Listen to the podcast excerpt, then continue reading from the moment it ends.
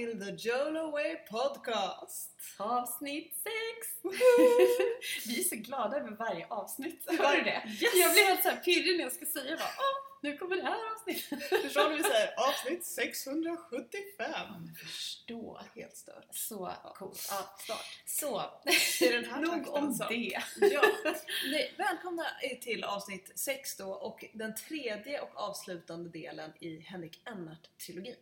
Ja, och den här, det här avsnittet, eller den här delen är superspännande för här kommer vi nu in då på tarmflora som ju är Henriks stora passion, nej det Ja. kanske inte säga, men stora, det han, det han skriver väldigt mycket om nu den Ja, senaste tiden också. exakt. Och den, det jag menar tarmflora, vi kommer att prata jättemycket om tarmflora i kommande avsnitt också för det är ett otroligt intressant ämne och det har ju sån gigantisk påverkan på hur vi mår. Verkligen.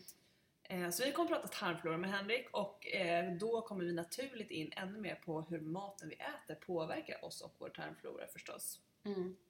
Vi kommer att få veta hur Henrik själv äter.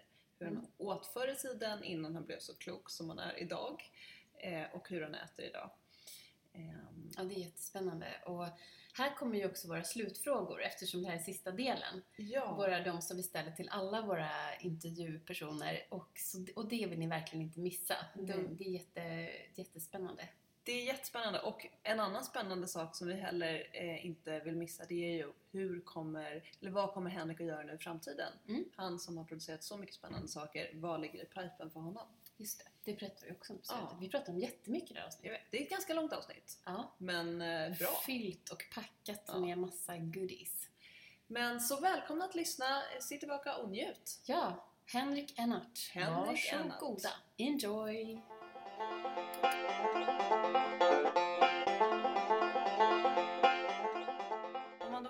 Med, med påverkan på Ja, tarmbakterierna precis. igen. Jag tänkte på, på sötningsmedlet och, och, och tillbaka till våra bekämpningsmedel, även de som då är godkända som Mm. inte ska vara farliga. Har man tittat på hur de påverkar just tarmflora någonting? Nej, skulle jag säga. Ingenting. För Det det, känns ju som att de borde kunna påverka Ja, rätt verkligen. rejält. verkligen.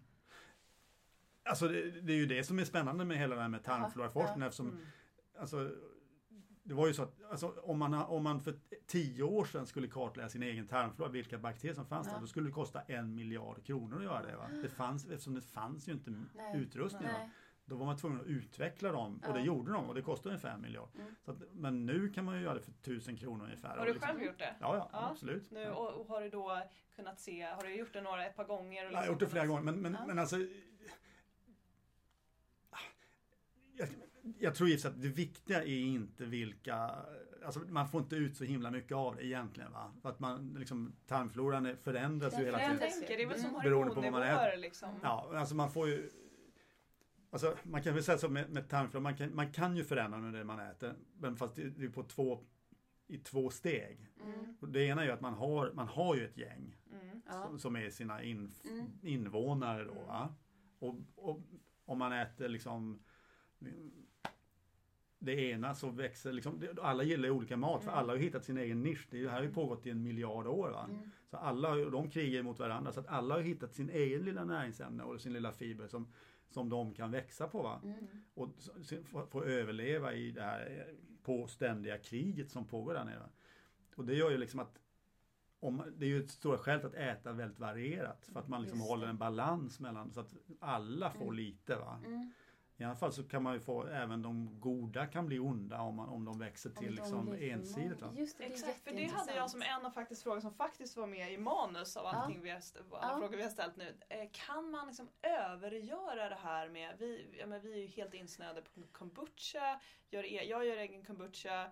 Eh, Jag dricker mycket sur- kombucha, Ja, du dricker mycket kombucha. Ja. Men och surkål eh, och kimchi och Fermenterat liksom. även mycket. surdeg som, som Mm. jag har bakat på de senaste tio åren. Kan man övergöra det här med de hälsosamma bakterierna? Just som du säger, kan det vara så att vi gynnar en viss stam? Alltså det, det viktiga tror jag att man, mycket. ja, ja, det tror jag att man kan göra för att man, Mm. framförallt om man, det, det viktigaste sättet är att förhindra det, det är att äta varierat. Mm. Det är därför vi bara tjatar om det hela tiden. För att det, är Mm. liksom, det, Ja. det, det, det är egentligen det är så väldigt mycket man inte kan säga, ge liksom tydliga råd om än och som forskarna liksom precis. inte riktigt vet. Men det man vet Ja. tämligen säkert, va? Ja. Så här, va? Men, och, men som de flesta skulle skriva under på, det är att en bred varierad tarmflora det är liksom det bästa, det, det minskar risken för sjukdomar. Det, Mm. det stärker immunförsvaret. Och man ser att i stort sett varenda sjukdom är förknippad med liksom mindre variation. Va? Mm. Att det liksom, och, och det är ju helt logiskt för det är ett ekosystem. Så är det ju i Östersjön, så är det ju i en skog. Mm. Att ju fler arter ju, ju mer balanserat. Va? Men, men om man då till exempel, menar, för ett tag sedan det var populärt att hälla lite potatismjöl i ett glas vatten och få resistensstärkelse Ja, och dricka ja. det. Va? Och så är det jättebra. Vissa bakterier som är jättebra gillar det. Va? Men då får man ju kanske då, om man bara gör det, då, då, då, får man ju kanske ett överslag på just de, den typen av bakterier. Just. Och kanske också på just det ställe i, i tjocktarmen där, Där de där, de, trivs. där de trivs och där just potatismjölet Mm. som är i Just. den partikelstorleken tas upp. Va? Mm. Så att det är Hela liksom, tiden man kommer tillbaka till det med variationen Ja. ju, tycker jag. ja. Men då undrar jag som fråga, för det här kommer jag få höra av min man ikväll. Ja. För att han är ju han är dessutom då halvbelgare så han kommer ju från det här liksom med franska köket. Att Mm. Det handlar väldigt mycket om att det ska, smaka gott och vara njutning. Ja. Så han lagar helgmaten och jag lagar vardagsmaten för jag tänker mig att det ska vara hälsosamt Mm. och gå, gå hyggligt snabbt. Eh, och han kommer ju då säga att det är det jag säger älskling, nu gör vi liksom en carbonara ikväll med vit pasta, grädde, bacon och en massa parmesan. För att man ska äta varierat. Men är det liksom, kan man dra det så långt som att så här, det är helt det är fine att käka även den här som vi har rubricerat lite som den dåliga maten i syfte att öka variationen? Alltså variationen gäller ju framförallt fibrer och så Jag här bi, bioaktiva ämnen. Va? Så är det ju. Va? Men, men sen, sen, sen kan jag tycka att alltså, lite kött, jag, jag är nog inne på det där liksom flex, alltså om man ska Ja, peka ut något som är fråga också, kött Ja. eller inte kött liksom. Men Ja. då tänker du mer lite kött. Ja, jag tänker lite kött. Li, alltså det kan ju vara jättelite kött verkligen. Ja. Alltså för, om man tänker på, jag menar, hur, hur åt folk, alltså om man går tillbaka till de här blåzonerna, hur åt Mm. folk då? Jag, jag var, alltså de, de åt, många åt ju ingenting. Va? Eller de, Nej, de, de, sant. de, kanske åt någon ansjovis lite då och då. Men de åt lite ägg, de åt lite, de åt lite liksom, kött någon gång om året kanske. Va? Men Mm. sen lite, kanske, ja, väldigt lite va? Mm. Men mest kanske som en krydda då på något Mm. sätt. Va? Lite, om de hade kött så lite i pastasåsen, tomatsåsen. Va? Mm. Men det var ju som en historia som jag jag tycker det är rätt målande, brukar dra den ibland, var en på Sardinien som, som en man då som var över 100 år som han, och han var känd för att äta mycket kött. Och så frågade vi liksom bara, ja, hur ofta åt du kött? Och liksom, han var ju känd för det, han tyckte jättemycket om kött. Ja, minst var 14 dag så. Ja. Ja, Ja, det är det, ja, det är liksom Det ger rätt, perspektiv. det ger lite perspektiv, Mm. för många äter ju tre gånger om dagen. Va? Det är ju Mm. liksom framförallt kött man får i För sig. det är väl ändå, för, för att gå tillbaka till de här blåzonerna, någonting som är gemensamt för dem som vi har förstått är att man äter ju väldigt lite animaliskt generellt och att det är mer är, det är ganska kolhydrat ändå baserat. Jo men det är mycket, det, och de grunden bra är kolhydraterna ska tilläggas. Ja precis, jo, det fiberrika, Ja. full, fullkorn, liksom, bönor. Ja, liksom, men, Mm. men vä- väldigt varierat och mycket örter också, kryddväxter och sånt där. Så det, ja, men, och, och frukt också. Så det, det, Men sen har man ju typ enuiter som har levt på Mm. i stort sett bara liksom späck och säl och, och Mm. val, valkött kanske också. Jag är lite dålig, men väldigt mycket animaliskt och väldigt lite som också har klarat sig liksom mm. ganska bra från sjukdomar. Och massajerna. och massajerna som bara drack en väldig massa mjölk. Mm. Fast de har väl drabbats av en del benskörhet i och för sig. Ja. Och cancer, jag, jag har faktiskt jag, letat lite efter det där med inuiterna. Hur gamla blev de egentligen? Ja. Det, jag, jag, jag har faktiskt inte hittat någonting. Men, okej. men, men jag det. tror i och för Men de har sig. väl ganska lite hjärt-kärlsjukdom. Ja, absolut. De Men åt det mycket så här också- omega-3 och fiskfett och så här. Och inte så mycket snabba kolhydrater som väl är det Nej. som man har kunnat koppla Nej. hjärt och kärlsjukdom till. Nej, men, alltså, jag, jag tror ju ganska mycket på det här att det på något sätt att man utvecklar en tarmflora också som, Mm. och, som är anpassad efter där man Den bor. miljön. Va? Den Mm. miljön. Och, och då i många generationer tillbaka. Va? Så att, Mm. så att, eh, det är ju helt enkelt så att Mm. när det gäller, och så är det ju även med kött, det vet, bör man ju veta nu att för vissa är det Alltså beroende på vilka tarmbakterier man har vi- och även hur den liksom är galla och så här, hur det interagerar och så här, så, att, så är ju risken för att eh, liksom, skadeverkningar av att äta kött skiljer sig ganska, ganska mycket Mhm. från person till person. Så att det, och även med kolhydrater, det är, vad är det, Män, människan, vi har någonstans 18-19 egna enzym för att bryta ner kolhydrater. Mm. Medan våra bakterier, det kan liksom vara från väldigt få upp till flera tusen enzym som de tillverkar. Så att beroende på vilken typ av bakterier man har så har man fullständigt helt olika Mm. förmåga att bryta ner kolhydrater. Och för att bygga upp, för just tillbaka, tarmfloran, det skulle man kunna prata om Mm. bara det. Mm. Det är så otroligt intressant. Men det, jag menar, det kan man ju konstatera att vi i västvärlden har ju en väldigt mycket sämre variation i vår tarmflora än Mm. i de här urbefolkningarna Mm. som man har tittat på. Och vi som har små barn, mina barn är ännu mindre än dina Josefinas, mina barn är fyra och två eh, och dina är sex och åtta. Och de äter ju väldigt lite av de här fiberrika grönsakerna för de Mm. är helt enkelt inne i den här neofobiska åldern där de inte vill äta annat än typ, alltså vi får i dem potatis och det är Mm. liksom det ungefär i grönsaksväg. Mm. Eh, och sen är det helst, ja det, är- ja det är ju helst pasta och pannkaka typ. Ja. Och då undrar man, gör vi nu, vad gör vi med deras tarmflora? Mm. Framförallt, tänker jag. Och går det att sen, kan vi säga så här, nu har vi några Kan svåra det? år. Kan vi då, eh, vad heter det, rädda upp det här när de har kommit ur den här neofobiska fasen, när de är liksom mellan, ja kanske, jag hoppas på att de kommer Mm. ur den vid tioårsåldern i varje fall. Och Mm. liksom börja våga grönsaker. Eller är det Alltså, kört? nja. liksom? Hur mycket alltså- kan vi förändra? Ja, men, eh, från början så är det så att det det byggs ju upp mycket tarmflora. Man, barnet ärver ju rätt mycket tarmflora Mm. sin, från sin mamma. Ja. Så det är ju ett Och är skäl till det att vad vi åt medans vi var gravida eller var det hur vi har ätit under våra liv? Ja, det kan nog gå tillbaka till vad din mamma åt. Mm. Mm. Sådär, så att man, man ser Så ju... att en generation, en generation av sockerråttor har liksom inte skapat så mycket. ja, men det, det, men det finns ju sådana studier faktiskt på både positiv och negativ mening på, på eh, råttor då. Va? Ja. Där man har sett att om man ger man gett möss då, det är de här Sonnenberg, de har skrivit väldigt bra böcker, Ja. paret Sonnenberg, om tarmflora och sådär. Men, men de har gett då möss eh, västerländsk skräpmat då. Och de har ju sett då att liksom, deras tarmflora liksom, som en följd av det blivit liksom decimerad då i fyra, fem generationer efteråt då. det. Och det är ju tråkigt kan man ju Ja, säga. det är tråkigt. Det är tråkigt. Men å andra sidan kan man ju se det som det positiva att om man då försöker bygga upp sin tarmflora så, är, så kan man också vända på det. Va? Men kan kan man, ja. hur mycket kan man vända? Har man tittat på det? Liksom? Absolut, det har man gjort. Och det där, där, där, jag vet det sitter ju folk och, och säger i TV att man kan inte ändra på sin tarmflora men det är fullständigt fel Ja, kan man ju säga. Och det, och det intressanta där det är ju egentligen att man måste skilja på, det, man talar om alfa och beta diversitet. Va? Ah. Och det ena är ju liksom om man, så så att man har man har sin egen laguppställning. Mm. Sådär. Och, den kan man, och där finns liksom både de som om man hårdrar det gillar pommes frites och de som gillar, de som gillar liksom grönsaker och frö. Och, sådär. Och, och beroende på vad man äter så kan man ju totalt ändra balansen. Så att om du har, en, så att du, är fotbolls, du har en fotbollslag, du har en trupp. Men Mm. du kan ju själv välja vilka du har på planen. Ja, ja. Sådär. Och Bra vilka som sitter på bänken. Sådär. Och där kan du på, det är ju en omedelbar förändring. va. Så Och är det det om du tar en antibiotikakur som är väldigt tuff då? Mm. Kan du helt peta folk från bänken också? Eller är... Ja, då kan du helt peta folk Ja. både från plan och och från vad bänken. händer då? För då tänker jag, då har du ett clean slate liksom sen. Mm. Kan du hitta på ett eget lag då och bara äta bra? Alltså, förstår du? Har du en chans att starta om från noll med en sån... Eller finns det sådana som man aldrig får tillbaka? Ja, Ja, det, det är ju det man oroar sig för Ja. då. Till exempel det, för barn tänker jag specifikt Ja, då. alltså det, om man då helt undviker kolhydrater. Det finns ju den oron, det finns den här FODMAP-dieten Ja, till exempel. ja. Där man plockar bort alla kolhydrater och sen sätter tillbaka dem en och en för Ja. att se vilka som funkar.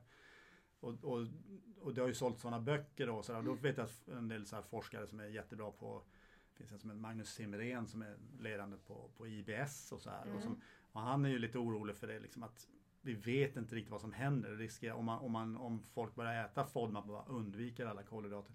Om man faktiskt förvärrar läget tarmen. För då kanske man redan från början har en, man har en obalans men man kan liksom kanske slå ut ytterligare. Mm.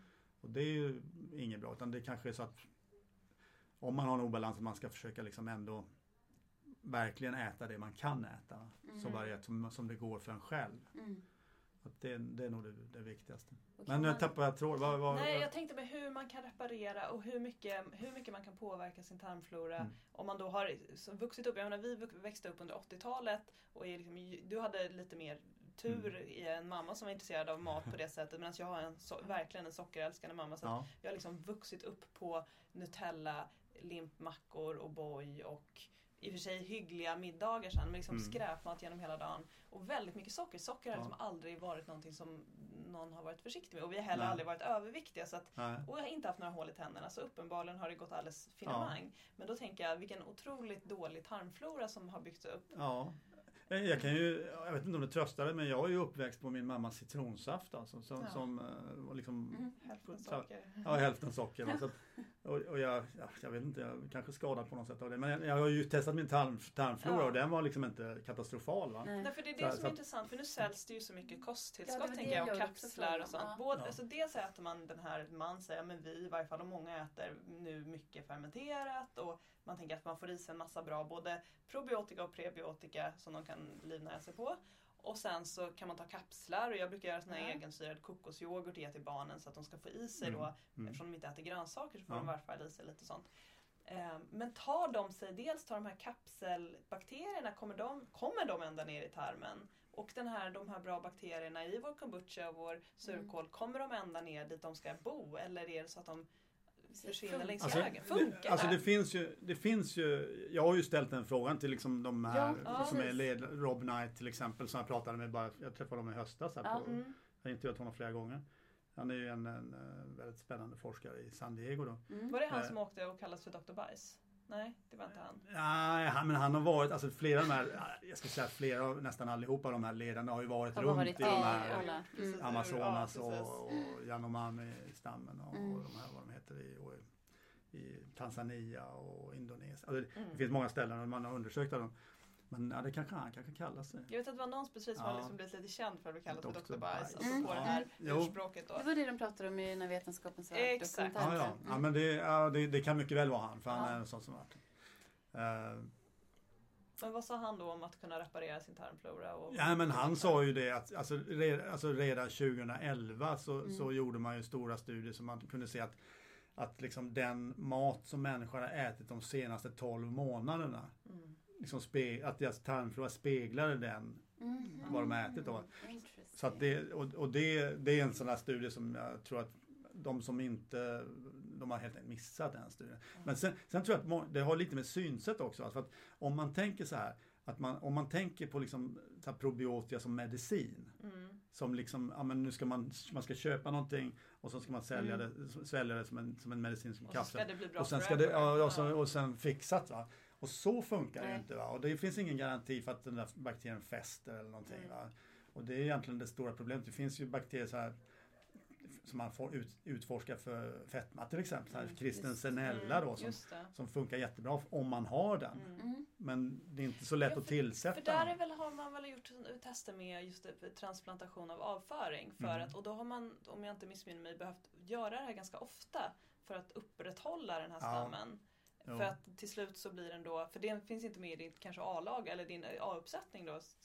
Nej, den, det är ungefär en på tio i Sverige som, som Ja. har va? Så Men att det är svårt att introducera en, en liksom varaktig Ja, och då vet man inte riktigt vilken, alltså det, det, är på sådana där sätt som, som vetenskapen liksom inte riktigt framme än. Att man Nej. vet inte, det kanske är så att den nischen som den skulle behöva, den är upptagen av någon annan. Va? Liksom det, det, liksom, man- måste liksom se tarmfloran som en helhet. Mm.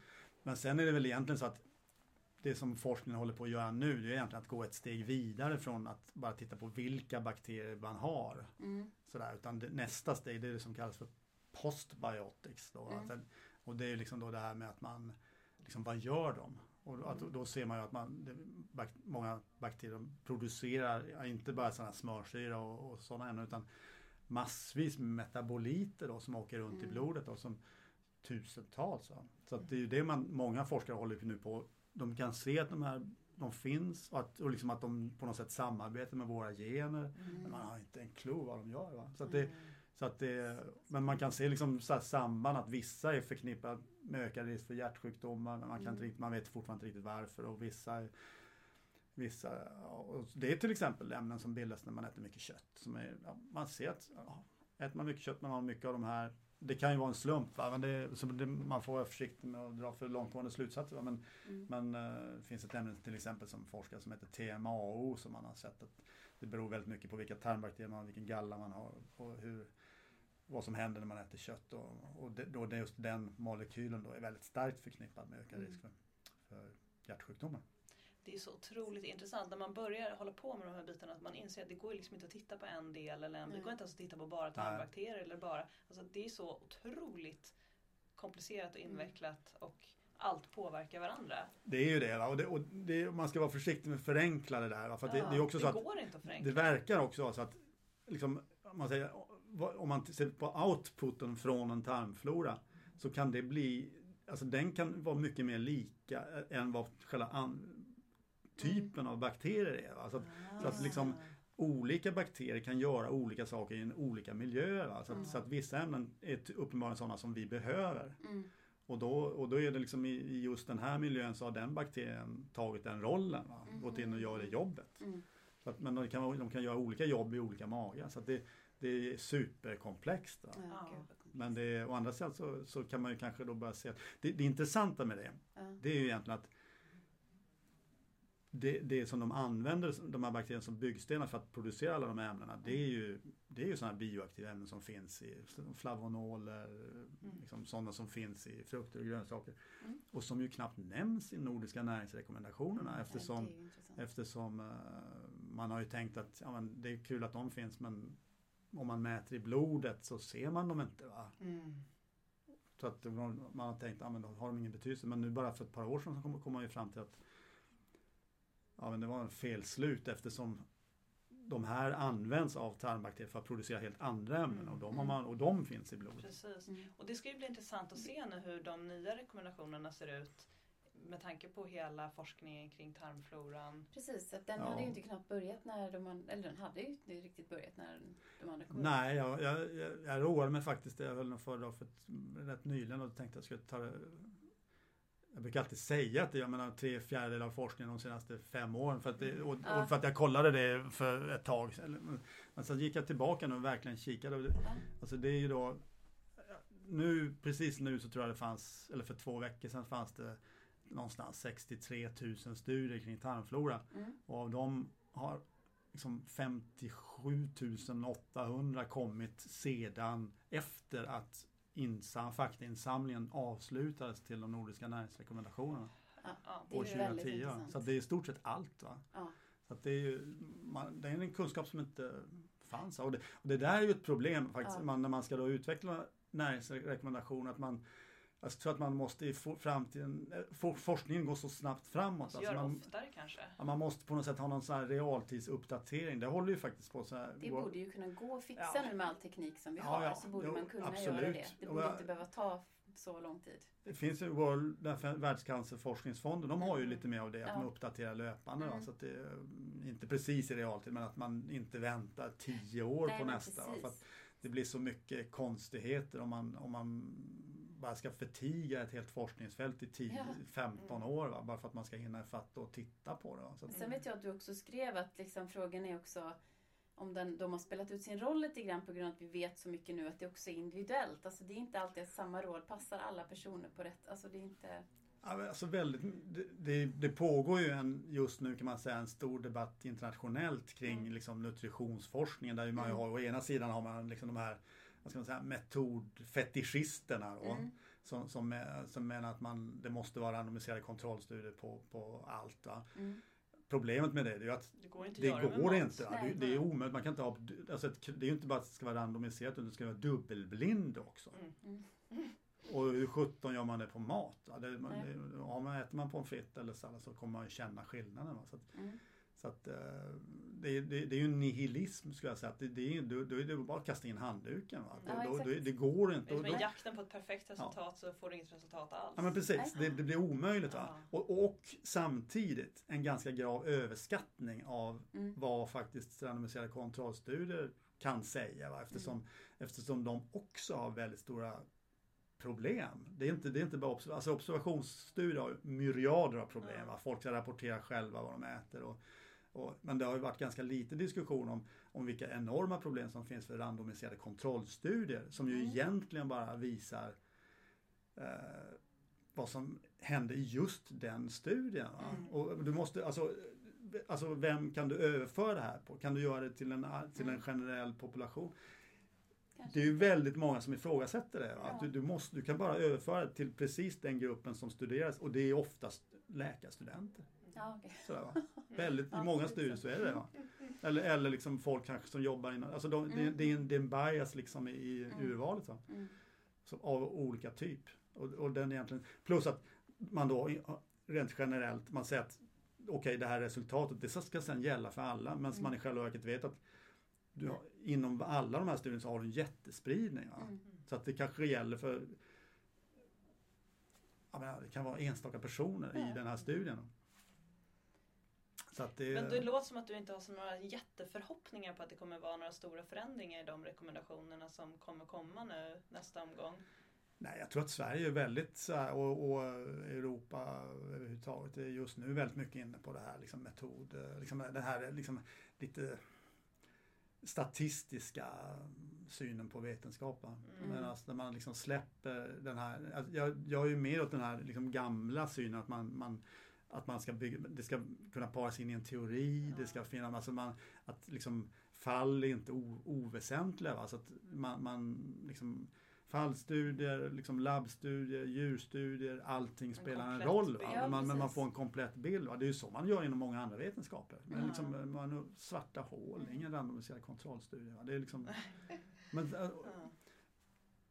Rökning, skulle det gå att genomföra en randomiserad kontrollstudie? Alltså idag, jag tror överhuvudtaget inte att det skulle, om man hade det, det kravet som ställs idag så skulle det vara omöjligt att införa restriktioner på rökning. Och är det, är, det, jag menar, är det ekonomiska intressen som ligger till grund? Någonstans har ju någon tryckt på för att det ska bli så här. Ja, jag tror det. Jag, jag är ganska jag är rätt övertygad om det eftersom Mm. jag har sett det i andra områden. Det är generellt så är liksom den stora Göra det så svårt konkurrensfördelningen. som möjligt. Ja, men man skaffar ju, vad, vad är liksom, den stora konkurrenstiden, den gäller ju liksom inte mm, på mikronivå utan det gäller ju liksom vilka regler är det som ska Mm. styra. Va? Det är Mm. där man skaffar Ja. sig dominans. Mm. Och här, här har man en, en typ av vetenskap som är väldigt lämpad för mediciner. Va? Du, du kan ta liksom ett, ett läkemedel eller du kan ta ett sockerpiller. Och då, ganska, där kan du ha dubbelblindat. Men du Mm. kan inte ha det på mat om du då generellt bara dömer ut alla andra studier. Mm. Men Sen är detta något, vet du om det överhuvudtaget? Har det diskuterats i, de, i de forumen där det, här, där det ska beslutas om det här? I Sverige? Ja, ganska lite ska jag säga. Det, det finns de som trycker på i Sverige men, men mycket mer utomlands. Ja. I höstas kom ju en stor köttstudie Mm.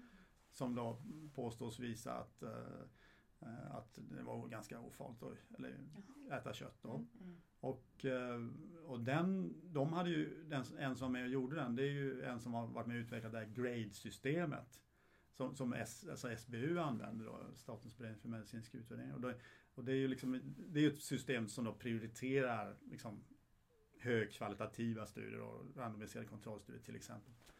Men spelar ner liksom, stora observationsstudier. Mhm. Och då, ja, då kom man fram till, ja, i och för sig den studien visar också att det fanns risker med kött men, men, eh, men eh, an, man uteslöt liksom stora viktiga studier då. och det var en Mm. väldigt stor debatt kring detta då, Mm. från, där många i USA, väldigt många runt om i världen reagerade väldigt starkt. Mm. Och det, det, där, det där tror jag definitivt är en debatt som kommer. För att jag tror att det där kommer att Hela den, det angreppssättet kommer att användas på område efter område. Jag bara väntar på att det ska Ja. dyka upp någon som ifrågasätter eh, antirökkampanjen. Men jag tror att den är poli- Kanske du som får... Nej, nej, nej men jag, jag, tycker att, jag tycker att man, ska- det är jättebra att man inte att man har en antirökkampanj. Va? Ja. För att det är jättefarligt. Va? Mm. Men, liksom, men om, man, om, man, om man hävdar att liksom, det måste finnas randomiserade kontrollstudier så, så är det ju ett faktum att det inte finns på Mm. rökning eftersom det skulle vara helt oetiskt att genomföra en sån Mm. studie. Det skulle inte gå att ha en kontrollgrupp som, som ni, ni måste röka, kedjeröka i 30 år så ser vi om ni får lungcancer. Mm. Det är omöjligt att genomföra en sån studie. Så därför finns det inte. Men man måste ändå kunna fatta att det här är farligt.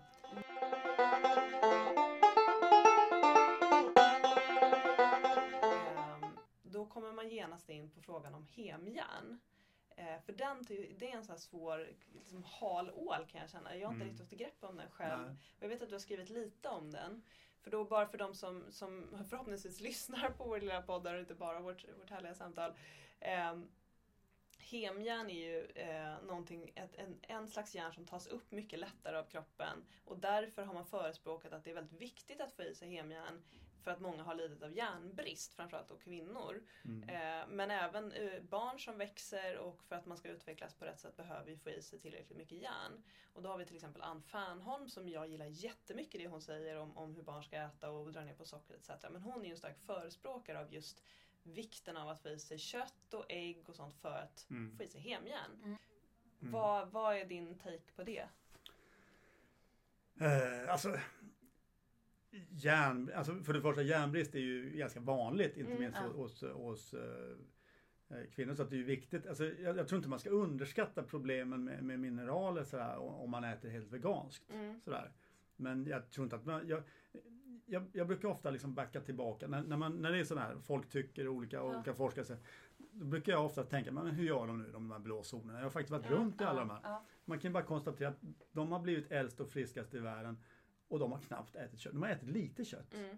mm. Och, men jag tror att det faktiskt räcker med lite kött. Mm. Jag tror inte Mm. man behöver äta mycket. Va? Det, och, eh, däremot så tror jag att eh, en Ja, det, nu ska man säga, det är lite ute på djupt vatten men, men en sak som jag tror man skulle behöva undersöka mer det är liksom hur det här tillsatta järnet som finns i olika produkter, hur, hur Mm. bra det är. Va? För Mm. det, där finns det en hel del liksom, frågetecken faktiskt med upptaget och så här. Att, att det, det tas upp mycket sämre då och, och det här tillsatta järnet och att, att eh, det då skulle kunna istället då få en eh, liksom, oxidativ effekt Mm. eh, i, eh, på olika sätt i och, och vara skadligt. Så att, så att där, där tror jag det liksom behöver forskas och diskuteras mer. Det, är- det är ingenting som jag har hunnit undersöka i detalj men det, det tror jag är en, en framtidsfråga faktiskt. Då, det här med järnet. Men, men jag tror att man inte behöver äta jättemycket kött. Jag tror inte man, alltså, Men, men frågan är egentligen om man drar rätt varv till, det är bara att kan det vara farligt på grund av hemjärnet att äta mycket kött? Kan det vara det som är just att vi inte kan inom citationstecken, ta, vi kan inte hantera de mängderna lättupptagligt järn. Det kan vi hantera från växt. För där vet jag att du har skrivit Mm. lite om att växt, eh, järn från växtriket är där kan kroppen ta upp så mycket som man behöver och sen stänger man helt enkelt av upptaget. Medan ja. det kan vi inte göra om vi äter de mängderna av det animaliska. Alltså, det när det gäller kött så, så är det ju så här. Det finns säkert tio olika teorier om vad, vad som är orsaken till de här sambanden man kan Ja. säga, med, inte minst med ändtarmscancer och så här. Mm. Och, och eh, järnet är ju en och det är ju för att det helt enkelt är, det är en prooxidant. Mm. Det, är ju, det vet man ju va, så att får Mm. man i sig för mycket så är det inte bra. Och, det, och det, det är också så att det finns ju en diskussion, det finns ju de som menar att, att eh, liksom järnnivåerna som är satta mm, är aningen höga. Va? Mm. Att det är liksom lite för höga. För att det, samtidigt som man, järnbrist Alltså järn- järnbrist är ju inte bra men å andra sidan så det är nog ett ganska litet fönster det där liksom mellan för lite och för mycket. för Va? mycket. Ja, det är intressant. Mm. Att det, och att, jag vet att det, det intervjuade en som heter Thomas Pearls i Boston, en, en Harvard-forskare. Och han, han, hävdar, han är tillhör de som hävdar att man nog antagligen borde sänka rekommendationerna. Mm. Och, att det, och inte minst för män då eftersom, Ja, eftersom det. männens... Alltså det, förlorar det, ingenting. ja, vän, nej precis. Va? Så Mm. att det, det, Mm. det pekade han på. Så att, men det det där är väl en sån här typisk fråga som inte är helt, eh, ja, där- Nej. står forskarna inte helt eniga. Inte Liksom. eniga. Men jag, jag, som sagt, jag lutar mot de blå zonerna och de, Ja. de mådde jättebra utan att äta särskilt Ja. mycket kött.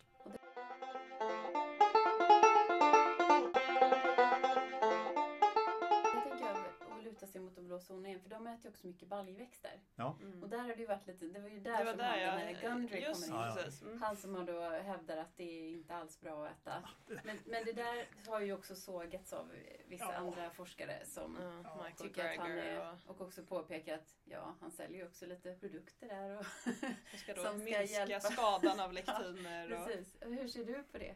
Ja, men ja, ibland blir man liksom bara trött. Va? För Ja. det där är ju en sån där, det där är ju... det är bara att hitta på. Ja, men, nej, det är inte, alltså, nej men det har ju, det är ju därför vi har en kokkonst. Ja. Precis, Sådär, det var va? precis det Men som vi, här man, det, det är väl också. ingen människa som har liksom ätit, man, i, tusentals år har människan blötlagt Ja. liksom Ja. bönor. Va? Man har liksom stampat eh, liksom vete, alltså man, man har ju haft massvis med metoder för att Mm. lösa detta. Mm. Surdegsbröd, ja. alltså det finns ju det ena efter det andra som liksom används i kokkosten. Det är ju därför som det är viktigt att lära sig laga mat. Mm. Mm.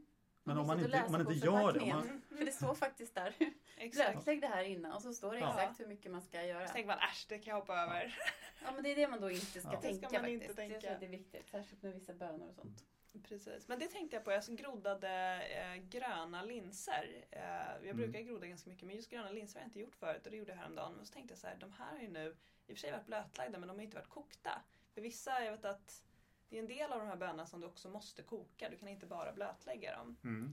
Eh, och groddningen i sig, har den samma effekt på att bryta ner de här ja, ja. Och så det det ökar upptaget liksom. också. Ja men Mm. precis, för det vet du och det är ju halva vitsen med att grodda förutom att det är Mm. gott och Ja. lite kul. Men det är väl ändå Mm. blötlagt när det är Det är blötlagt men jag Ja. vet att en del grejer måste du även koka. kokas, Typ ja. kidneybönor måste ju ju koka. kokas också. Det finns ju, men överhuvudtaget det här med groddningen är ju intressant för att det, alltså man ska säga, det, det finns ju en liten poäng ska man säga som den här Gandry har. Det Och- med antinutrienter eller? Nej, men, ja, men det, det, ja, men det är också det här med groddningen till exempel. Ja. Va? Och, men, och det är ju att vissa, liksom, industrin har ju lätt att kringgå sådana här saker som man vet. Mm. Alltså man, man vet att man ska göra så här för att minska problemen. Va? Mm. Men oj vad jobbigt det blev och det blev lite dyrt att göra det. Så att vi hoppar kanske över det där steget. Va? Och det är ju det som Mm. det finns ju till exempel, eh, vi har ju med i, i, i vår senaste Happy Food-bok eh, en som heter Kerstin Fredlund då, som de, Mm. hon har jobbat mycket med det där då med, med och även metoder för att då, där man då kan om man tänker sig vanliga spannmål, att man då kan bearbeta dem på Mm. ett processsteg då. Så, att det, så att det blir egentligen en liten groddning då. Mm. Eh, att det är inget som man, på, som man märker liksom i slutprodukten. Va? Men, men som då bidrar till ökat mineralupptag och så här. Va? Mm.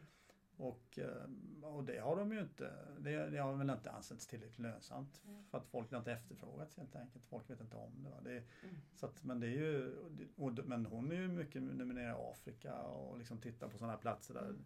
där man då av ja, liksom, mera biståndsskäl då har, har skäl att titta på om för att minska svält och så där, man vill öka Mm. effekten från den mat som odlas. va. Så att, apropå just det här brist på mat, jag menar, det handlar ju väldigt mycket om att vi hanterar den mat som Mm. verkligen Mm. görs. Va? Mm. Och gör det på rätt sätt. Och det känns som att där har vi det har varit så många år som det har skett någon slags utveckling till att vi bara ska ha så mycket som bara möjligt. Och det, ska vara, och det handlar väldigt mycket om ekonomiska int- intressen där man har tillsatt kanske saker i maten också för att man ska bli hungrig och typ äta ännu mer och Mm. köpa ännu mer av de här grejerna. Och man lägger in man lägger i salt, fett och socker i saker för att Mm. det ska liksom smaka med så vi köper mer. Och att det just och också sam, i samband med den här med jordbruksindustrin, att det är så mycket de här ekonomiska intressena som har styrt och har också gjort att Mm. vårt samhälle har liksom, vi har bara ätit och ätit mer och mer men vi får mindre och mindre näring i oss ändå. Ja. Alltså vi får lite sämre saker i oss. Och medan samtidigt nu, den senaste tiden, så har den här forskningen kommit att vi verkligen kan påverka så mycket hur vi mår genom vad vi äter. Mm. Och jag, jag vet inte hur du känner kring det, men jag känner verkligen att jag hoppas starkt att det här kommer bidra. Alltså den- det som vi nu får veta kring allt det här med Mm. tarmfloran och Mm. tänk om vi, om vi, att vi har den här mångfalden i tarmen, det kan påverka oss, inte bara liksom våra kroppar, det påverkar ju oss mentalt jättemycket. Mm. Och vi, det kan göra oss friskare. Mm. Mm. Och att det också ska på något sätt, man har någon slags hopp, förhoppning i alla fall, att det ska Trenden har påverka. vänt. Att trenden har vänt och att vi nu faktiskt ska börja fokusera på mat på ett annat sätt. Liksom. Än att, och att, Ja. Jag vet inte, hur känner du? Känner du att Jo det men, jag, jo men jag tycker det har hänt otroligt Ja. mycket liksom på den här tiden som jag har hållit på med och skrivit om det här och följt det noga. Va? Så att, eh, det tror jag, jag, jag ser det nog egentligen mer som att alltså, det var en mellanperiod Ja. sådär, när, när man liksom lämnade det här. Va? Det Ja. var liksom när alla flyttade in till städerna på något sätt. Va? Och, och, liksom, eh, och kvinnorna började jobba. Mm. Sådär, va? Och då plötsligt, då, eh, ja, vem skulle då, ja, då blev det liksom convenience food och Ja, liksom precis. sådär, snabbmat och snabbt så. ja. Och nu är man på något sätt efter väg. ett litet tag, egentligen ganska kort tid. Va? Det är Ja, liksom ganska kanske kort 50, 60, 70 år sedan man tillbaka. Va? det ens är Man- så lång tid. Mm. Det Ja, kanske inte är ännu ens kortare. För att jag tänker när vi... Det är skillnad bara från 70-80-talet skulle jag säga Att nästan. det har blivit bättre. Ja, nej, men att det har blivit så mycket snabbare. Att allt ska gå så mycket snabbare och mycket Ja, mer du tänker snabb så. Ja, fast food. Ja. Jo, men jag tror också Ja. att, att det kommer tillbaka det här att alltså, det, det är fler och fler som blir intresserade av mat och som kan mycket om Ja, mat det och sådär. ju va. Så som att vi är på att väg jag tror att mot vi, det. ja, jag tycker att det går i en positiv riktning. Alltså. Ja, det känns Absolut. väldigt härligt tycker jag. Vad, och on that note, vi har ju igen ställt väldigt många frågor som vi inte hade på manus och inte hälften av dem vi hade i vårt manus. Nej. Men en sak som vi vill fråga absolut innan vi ehm, ska avsluta det är ju vad du gör. Alltså apropå Ja, de, allt för du det sa du ju att nu, du liksom. tidigare innan du började skriva de här böckerna och kom in på det här, hela det här fantastiska området så var du en, som en normalt slash ovetande Ja. åt som folk gör mest. Mm. Lite grann.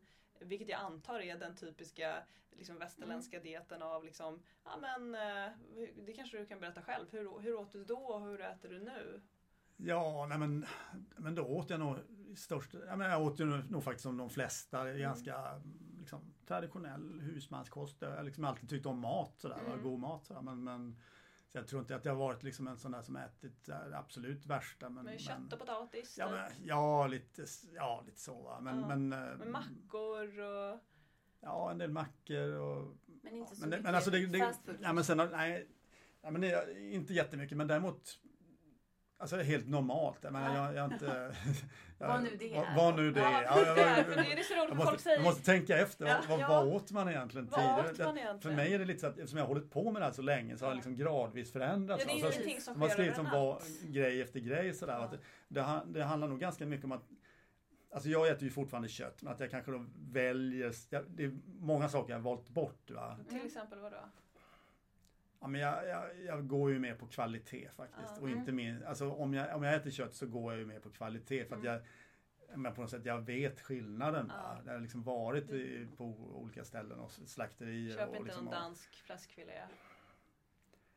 Nej, och det, alltså det, Nej. nej, det undviker jag. Och Mm. då liksom det, det, det, jag köper inte så mycket fläskfilé överhuvudtaget. Men Nej. däremot liksom, om jag gör det så köper jag nog faktiskt mest svenskt. Och, jag, Ja. liksom, jag, och det, är, det är mycket för antibiotika och antibiotikaanvändningen speglar ju i sin tur, Mm. tur hur djuren har haft det. Exakt. Om de Ja, behöver exakt. mycket antibiotika. Så, så att, men, men, eh, ja, men det, alltså generellt jämfört med tidigare så äter jag mycket mer grönsak, mer veg- vegetabilier och, och, och mindre kött och, eh, och bättre kvalitet ska jag säga. Jag Mm. siktar nog överhuvudtaget hellre på att äta lite mindre men bättre liksom. Mm. Ska Men hålla en igen. mindre mängd energi också. Ja, det är ju det man siktar på ju. Mm. Men det är... Inte alltid ja, men, men jag är, jag är, nej, nej, men jag ganska mycket så här flexitarian när det gäller maten. Att jag, liksom, jag, jag, alltså, jag, kan, jag tycker jättemycket om semlor till exempel. Ja. tycker jag är gott. Ja. Så, att det, är- så att, eh, då, då tar jag en semla ibland. Men det, jag inser ju att det här är inte bra. Va? Då, då försöker jag liksom kompensera det på andra sätt. Då, genom att Mm. äta, jag menar, till lunch äter jag nästan alltid bara sallad sådär. Va? Så Mm. kanske man äter hemma, då har man unga som de är ungefär som, de är Mm. lite äldre men ungefär som dina då. Att det, man har en logistik man måste få ihop det faktiskt att man kan inte laga liksom fem olika rätter när man kommer hem från jobbet. Så att det gäller att hitta de saker som funkar. Och, Mm. Men, eh, men generellt, så, generellt så är det mer, mer grönsaker, mer, jag, jag tänker rätt mycket på det här att variera, försöka hitta in Mm. nya, nya saker i, i alltså, nya rotfrukter som man inte använder så ofta, nya liksom, Känner du att det är lite så att, jag, jag har börjat nästan känna så ju mer grönsaker jag har, för jag har också verkligen gått över det gradvis. Mm. Från att ha alltid tyckt att jag ätit ganska nyttigt de senaste typ Mm. tio åren till att Mm. nu herrejösses vad mycket mer grönsaker jag äter och mycket mer rotfrukter av olika Mm. slag. För det var ju någonting man var lite rädd för för några år sedan, Ja. för det var ju kolhydrater. Och det ska Mm. man helst inte hålla på med. Ja. Medan nu har jag liksom upptäckt alla dessa goda rotfrukter och Ja. vad man kan göra med dem. Och nu börjar jag plötsligt känna att det som finns på typ ICA är liksom inte så mycket. Nej. Nu skulle man ju vilja åka, jag var, vi var på någon så härlig Bondens marknad när vi var i New York och det fanns ju liksom 14 000 Ja, olika det så färger och storlekar och Ja. former. Och då inser man så Det herregud vad är det så som, många- ja. det alltid ser likadant ut i, Ja. i de här Ja. stackars... Nej men man borde ut Det finns liksom en, landet. ja, och man ska ut på det landet. finns ju så och, många Ja. olika. Ibland har de ju så här, där de har tagit in från och då Ja. finns det ju- då är det ju så här gula Alltså det finns hur många färger som helst på rödbet. Alltså, Ja. som, eller olika betor och alltså det finns så här, det finns precis, det, det där är ju jättespännande och det, de, de hade ju någon testning för nå, något år sedan på eh, den här Ruta Baga eh, Mm, mm. på kålrötter. Jag tror man hade samlat Ja. ihop så här fem olika sorters kultursorter på kålrötter. Ja. Det liksom smakar helt olika Ja. och liksom helt, Mm. eh, ser helt olika ut och sådär. Så det, är, det är en enorm variation som finns i det där också. Och jag tror att många av de här äldre sorterna de är ju också, de är ju också nyttigare att Ja, för äta. de va? kanske inte är lika söta och de är, har lite kvar. Det vet jag att du och Niklas skrev mycket Ja. om att de behåller det där lite bittra på ett annat Ja sätt. precis. Och den bittra smaken är ju, det pratade vi om också, vad, okej, hur får man in den? För den är ganska ovanlig. Ja, och då kanske man behöver, alltså mycket av det där är ju bortstyrt va? Ja. I, i förädlingen tror jag. Att man, Ja. man vill göra maten mer lättuggad och så här Mm. va. Men liksom bitterhet är ju också sånt där som man kan balansera. Dels så kan man vänja sig vid det. Mm. Ja, Men sen är det också så att man kan balansera det med andra smaker i, i, matlagningen givetvis. va. Så att det, det är ju ehm, Just det här bittra som vi har ju skrivit om, det här Bittersund-projektet i Danmark som jag tycker är ganska Mm. roligt. Så här, de, Så de, plockade, de plockade fram gamla kultursorter Mm. och, och, och sen så hade man studier på sjukhuset och gav diabetiker två år i rad, Mm. olika grupper. Och man såg ju att Ja, det, då hade man tre grupper. Tre, man fick äta vanliga sjukhusmaten som serveras i restauranger. Man fick äta liksom vege, med mycket vegetabiliskt, vegeta, vegetarisk mat. Och sen fick man äta som man köpte i butiken och sen så en grupp som åt som är bittra, Mm. lokalt odlade. mm. Och de som, fick, och de som åt de här bittra Mm. fick ju bäst blodsockerbalans då, Ja. året senare. Så att det är ju uppenbarligen en massa ämnen i det här som, som är bra.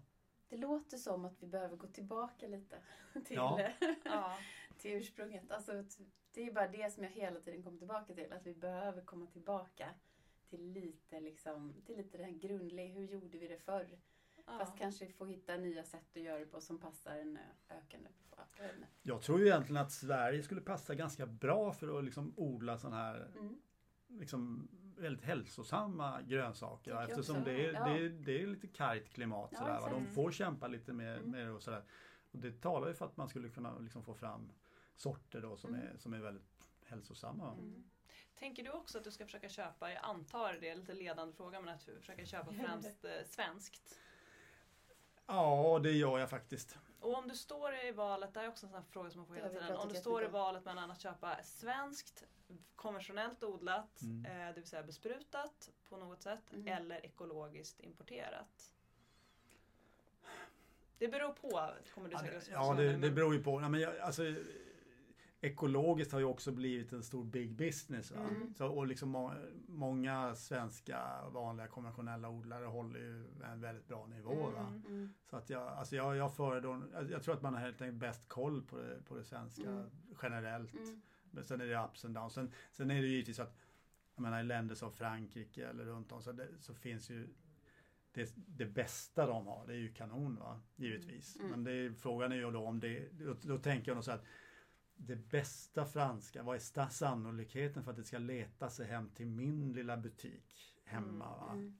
Ja, sådär va. Mm. Nej. Det känns mer som att det är bulkvaran som har sålts över va. Mm. Så att jag, jag väljer nog det svenska där. tror jag. Jag tänker att vi, vi kanske nästan måste börja Vi ska avrunda börja snart. Jag tänker bara, vi har Ja. bara några, sm- några små frågor till.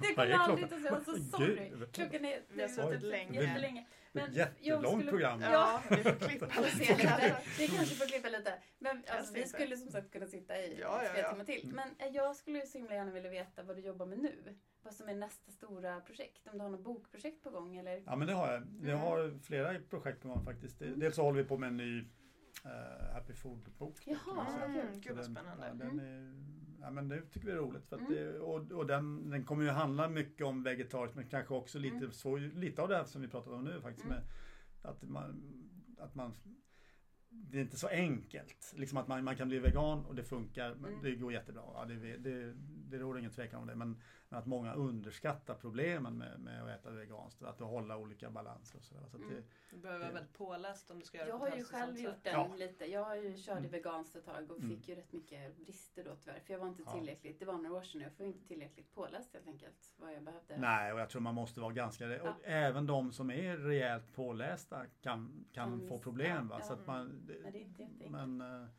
ofta tror jag att det är också ett skäl till att äta lite animaliskt. Att man liksom, det, det, Mm.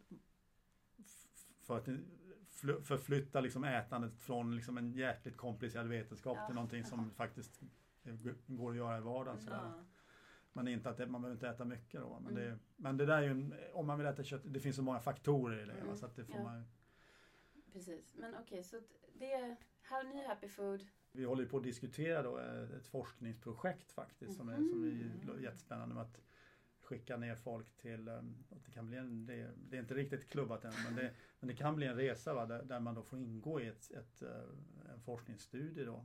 Gud så var, var en spännande. vecka nere i Silent och då få en jätteundersökning dag ett och så och dag Alltså dag. behöver ni forsknings... Vi kan anmäla oss frivilligt här. Ja. Det är bara att ringa. Ja, men om, om allting går i lås alltså, Ja. så, för, det, för det är så här att det, alltså det, är, det är långt framskridet där. Det, Jaha, det, det ligger egentligen, alltså det, har, det är forskare vid Lunds universitet som är Ja. med på det där och, och även i Rom, ett universitet i Rom. Ja. Så att, eh, det ligger faktiskt en, en ansökan inne då till etisk prövning så, där, så att bara den går igenom då så, så Då är det blir, det, go. då blir det av. Liksom. Ja, vad Gud så spännande. Så att det, är- roligt. ja, det är jättekul. Och då, då är tanken att mäta även så här tarmflora. Det, det är ju bara en vecka så man kan ju inte förvänta sig enorma förändringar. men, men liksom vissa sådana här metabolom just då, i blodet och sådär Mm. så är fullt med att man kan se en skillnad. Super, super spännande. Ja, roligt. Vad kul, alltså Ja. så himla roligt. Ehm, Vi bara... vi har några så här grejer som vi tänker Ja. att vi ska fråga alla som vi intervjuar. Ja. Mm. Och nu har vi gått igenom ganska många av dem Ja. egentligen i, i, i våra frågor redan. Men dina tre bästa tips på hur man skapar god hälsa och slash, har vi skrivit, ett lyckligt liv. För vi menar ju att det går hand i hand. Ja. Nej, men jag, jag, jag tycker väl liksom att det, det är viktigare att liksom åtgärda det som man är sämst på än Mm. att liksom Mm. toppa upp det. Liksom, att, va- att, det, det är viktigt, om man sover dåligt så är det bättre. Och, det, jag, jag Ja. träffade faktiskt den här Rangan Chatterjee. Och Ja. han, han, är, han kör ju den här four pillars. Ja, så Just det, det. jag tycker det stämmer väldigt mycket med Han vad är jag... också jag väldigt liksom enkel, det är liksom Ja. raka rör på något Ja, sätt. ja men jag, jag, jag tror att där, men det kändes som att vi var helt egentligen på samma våglängd där. Att, det Ja. var liksom, att det är viktigare att få balansen här mellan olika saker. Att det, Ja. det, alltså, en del är ju så att man tränar extremt mycket. Alltså träning är ju bra för nästan allting. Va?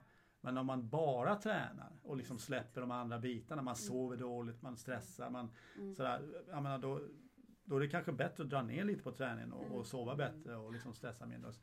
Vara lite mer med barnen eller vad det är. va. Så Mm. att, det, att man liksom har en balans mellan de här sakerna. va. Och det, det är väl det ena. Och sen att ja, faktiskt alltså, man, att tillåta sig att göra fel ibland. Liksom, Ja. att inte ta det, alltså, det är så lätt att det havererar. Man tänker så här, nu ska jag följa det här Ja. schemat och sen så Nej det gick inte och sen så då är det kört på Ja. något sätt. Va? Så att man egentligen Allt eller inget. Det Ja, tycker men jag var så himla skönt tips. Mm. Jag kan vara lite sådär allt eller Mm. inget. Jag så bara, nej. Ja, men det tror jag Ja, många kan jag skriva under på. Nu ja. fixade jag inte det här, då kan jag skita i alltihop. Och Mm. sen Det är så. bättre att bara tänka sig att allt, jag, allt bra jag gör det är på plussidan. Liksom. Det är plus, Ja, ja. alltså skiter man i minussidan. Ja. Mm. Och så här, allow yourself to liksom fuck up. Ja, någonstans. Det är så här, Allt behöver inte vara så himla bra. Okej, så balans, att låta sig själv misslyckas lite grann Ja. och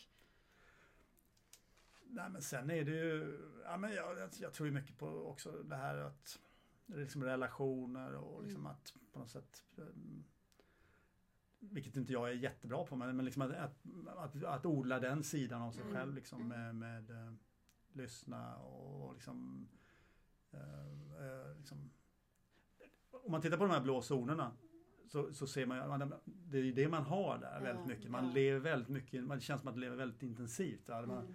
men det är väldigt mycket så här känslor och, och Mm. kul. Va? Det är Mm, liksom, mm. och liksom på många sätt och vis. Och det, det tror jag var, det tror jag är viktigt. Mm. Jag tror att det kanske kan vara en sån här bra grej också för att det känns som att många, om man bara stirrar sig blind på att nu ska man äta på ett visst sätt till exempel, att man blir så otroligt strikt och rigid i det.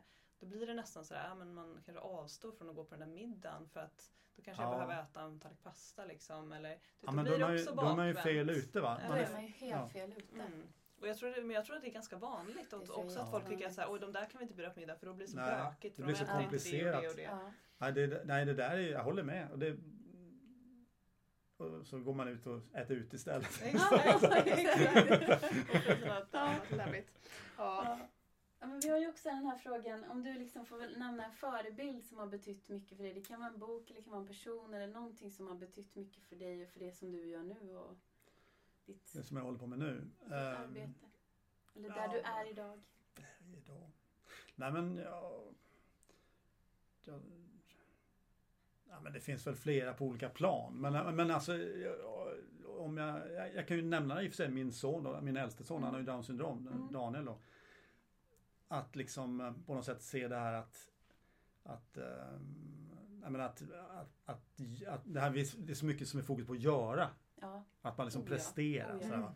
Och där kan man liksom se från början, men han kommer aldrig att bli liksom eh, professor eller ingenjör. Mm. Mm. kommer liksom att, men, utan det viktigaste är om han är, men, men samtidigt så är- kan man konstatera att han är antagligen den liksom mest harmoniska och Mm. lyckliga i vår familj. Mm. Och liksom, han har ju någonting där som är liksom Det väldigt många. Sen, där. folk Mm. går i mindfulness, folk, yoga, så här, de gör massvis med saker.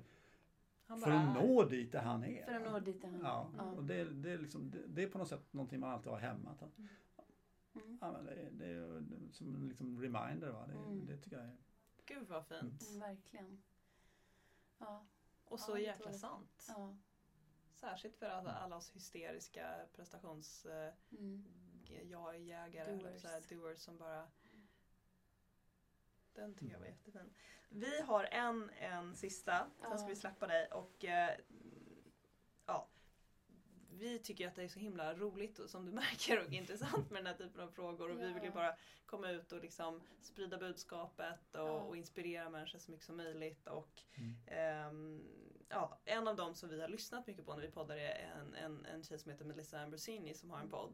Och hon frågar alltid sina gäster om det finns någonting vi kan göra. För Kan vi göra någonting för dig eller kan våra lyssnare som vi hoppas blir många göra någonting för dig? För att, vad, vad, vilken tjänst kan vi göra dig för att Mm. du ska Mhm. komma ut mer med det du vill göra och eller må bättre på något sätt? Eh, ja, nej, det var en svår fråga. Ja, den, men, och den får man inte så Ja, ofta nej, heller tror jag. nej. Så att vi tycker att den är en viktig Ja, fråga. Den- absolut. Den Den är snyggare på engelska för då blir det liksom How can we serve you? För det är på något Ja. sätt så här Mm. Annars blir det som Nej men precis. Nej men eh, jag, jag, jag tror att det blir så här lite mer generellt. Jag, jag liksom, så fort man ger sig ut, det här är ju en polariserad fråga, mat och sådär. Ja, ja. Men liksom att jag, jag, skulle, jag skulle bli glad om alla, om man kunde ha liksom en, en diskussion. Va? Alltså man, man, det är som man säger, det finns en amerikansk tidning som heter The Conversation. Mm. Att man kan ha liksom en konversation om saker och ting. Va? Mm. Där man liksom, för det, det, det är så mycket som är oklart och väldigt många, så här, väldigt många har så otroligt fasta åsikter om både det ena och det andra. Så att jag, jag skulle bli en lyckligare människa om man kunde ha lite mer sansade konversationer om saker och Ja. ting. mm. Fint. Där man faktiskt också kan ändra sig om man inser att men det där Ja, låter ju ja. vettigt. Alltså, det har jag inte tänkt på. Jag, jag jag ändrar mig. Jag ändrar mig. Så, Alltså, ja, släppa lite på prestigen kring att ja, men jag kanske hade fel då. Ja. Alltså, och Ja. bara fine. Ja, så. ja men det är så otroligt. Ja. Vem, vem, vem säger det? Ja, men jag hade fel. Ja. Men alltså det, det, nej. ja men då är man ju rökt på något sätt. Ja. Nej, men det, men det, det tycker jag man borde kunna säga. Det, det, det tycker jag är viktigt för mig också att Mm. man jobbar som Alltså, det är ju liksom min grej på något sätt. Jag menar, jag är journa- journalist, Ja. jag, jag frågar folk. Va? Ja. Jag, menar, liksom, jag och har möjligheten då att intervjua en massa forskare och, Mm. och så här. Och, och liksom kommer det fram nya resultat som pekar åt en helt annan riktning. ja, Men, då måste de ut med dem bara. fram. Ja. Absolut, det finns liksom ingen sån prestige att det var. Och det tror jag är en viktig Mm. utgångspunkt. Fint. Bra avslut. Verkligen. Ja. Ja. Vi är typ så glada eh, och nöjda känner jag. Ja, verkligen. Vilken bra konversation det Ja. blev. Tack så jättemycket för att du tog dig den här tiden och kom hit. Tack för att jag fick komma. Så, Tack så roligt. Vi är jättetacksamma. Mm. Och eh, som sagt, behöver ni frivilliga till forskningsprojektet så är vi lined up. Ja, absolut. Med vad som helst. Stå på huvudet i en vecka medan du äter grönkål.